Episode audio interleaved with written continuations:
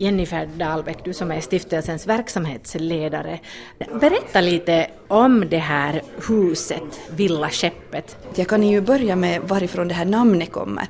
Eh, när det här huset byggdes så tyckte ortsbefolkningen att huset reste sig som ett fartyg och då börjar man i folkmun kalla det för Villa Skeppet. Och Kristine och Göran Schildt, vars hus det här äh, har varit, de tyckte att det här var ett väldigt sympatiskt namn så de valde att, att fortsätta kalla det för det här. Men det är alltså frågan om ett vänskapshus som äh, arkitekt Alvar Aalto har ritat som en gåva till Kristine och Göran Schildt. Han var ju god vän eh, med Göran Schilt och en av grundorsakerna var att han önskade att Göran Schilt skulle flytta tillbaka till Finland. För, för just eh, när det här skedde så hade Göran Schilt ingen fast punkt, punkt i Finland. Så han, Alvar Aalto, deklarerade att jag ska nu rita ett så fint hus till dig att du flyttar tillbaka till Finland. Och det gjorde han? Det gjorde han delvis, men att han hade ju sitt andra hem på, på Leros, Villa Kolkis, där spenderade han nog största delen av, av året. Att Kristine har alltid sagt att de kallar det här huset för kappsäckshuset, det vill säga alltid när de var på resa, så det var här man bytte kappsäckar, packa upp och packa, packa in och så här. Så att det fick lite den här karaktären i deras liv. Men ett väldigt betydelsefullt fullt hus. För Göran Schildt skrev ju en tredelad biografi om Alvar Aalto och för honom var det då viktigt att stå i kontakt med Aalto. Alvar Aalto dog alltså 1976 och genom det här huset upplevde Göran Schildt att han stod i kontakt just med Alvar Aalto. Och nu har då alltså Kristine Schildt Eh, donera det här huset till stiftelsen? Ja, alltså egentligen var det Kristine och Göran Schildt som donerade till stiftelsen i, i, i tiderna, men Kristine hade efter Göran Schildts eh, död besittningsrätt till huset, men hon har alltså frivilligt till förmån för stiftelsen valt att ge upp den här från början av det här året, vilket nu möjliggör att, att vi kan eh, göra det här huset till ett större ja, kanske levande kulturcentrum till och med kunde man, man kalla det här. Att dels de här guidade turerna och sen eh, intressanta programpunkter i, i anslutning till det. Thomas Tesleff, du är ordförande för stiftelsen. Vad är alltså stiftelsens syfte? Stiftelsens syfte är att eh, frambefordra kunskapen om det grekiska kulturområdet och Alvar Aaltos arkitektur.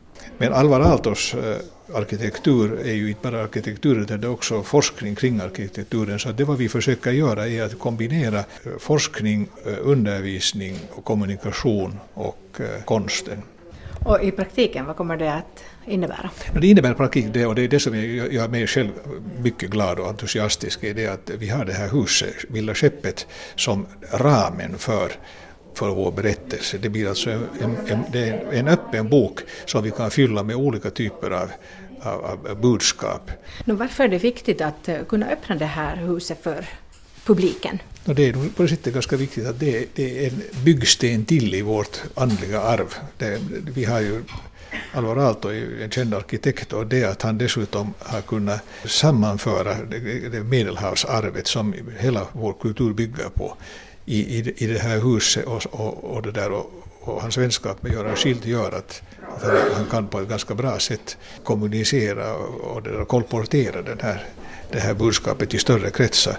Det, jag tror att det är väldigt viktigt att vi känner till vår egen bak, kulturbakgrund och vår, vår, vår civilisationstradition. Eh, på vilket sätt kan vi här, när vi nu faktiskt står i, i det här huset, villaskeppet, på vilket sätt kan vi se det här eh, medelhavskulturen, ska vi säga den grekiska antiken? Hur, hur tar den sig uttryck här i det här huset? Alltså när du kommer in i det här huset, redan uppför, uppför trapporna, så öppnar sig så det är alldeles som du ska komma upp för en, för, för en bergsstig. Och när du kommer upp hit till den här där piano nobile som det, som det heter på italienska, paradutrymme, så är det alldeles som du skulle komma upp, upp, upp på, en, på en höjd och, och, och, det där, och hela, hela landskapet öppnar sig för dig. Samtidigt så finns här väldigt mycket, mycket detaljer i inredningen som påminner om medelhav, medelhavskulturen överhuvudtaget. Och sen har du det där färgsättning och, eh, och, och stämningen framförallt. Stämningen tror jag är väldigt viktig. Den är en kombination av, av Norden och, och Medelhavet. Den är mycket gemytlig och mysig men samtidigt är den, balanser, är den balanserad och öppnad. Den är mycket extrovert. Vad tycker du själv att det, det är unika med just det här huset?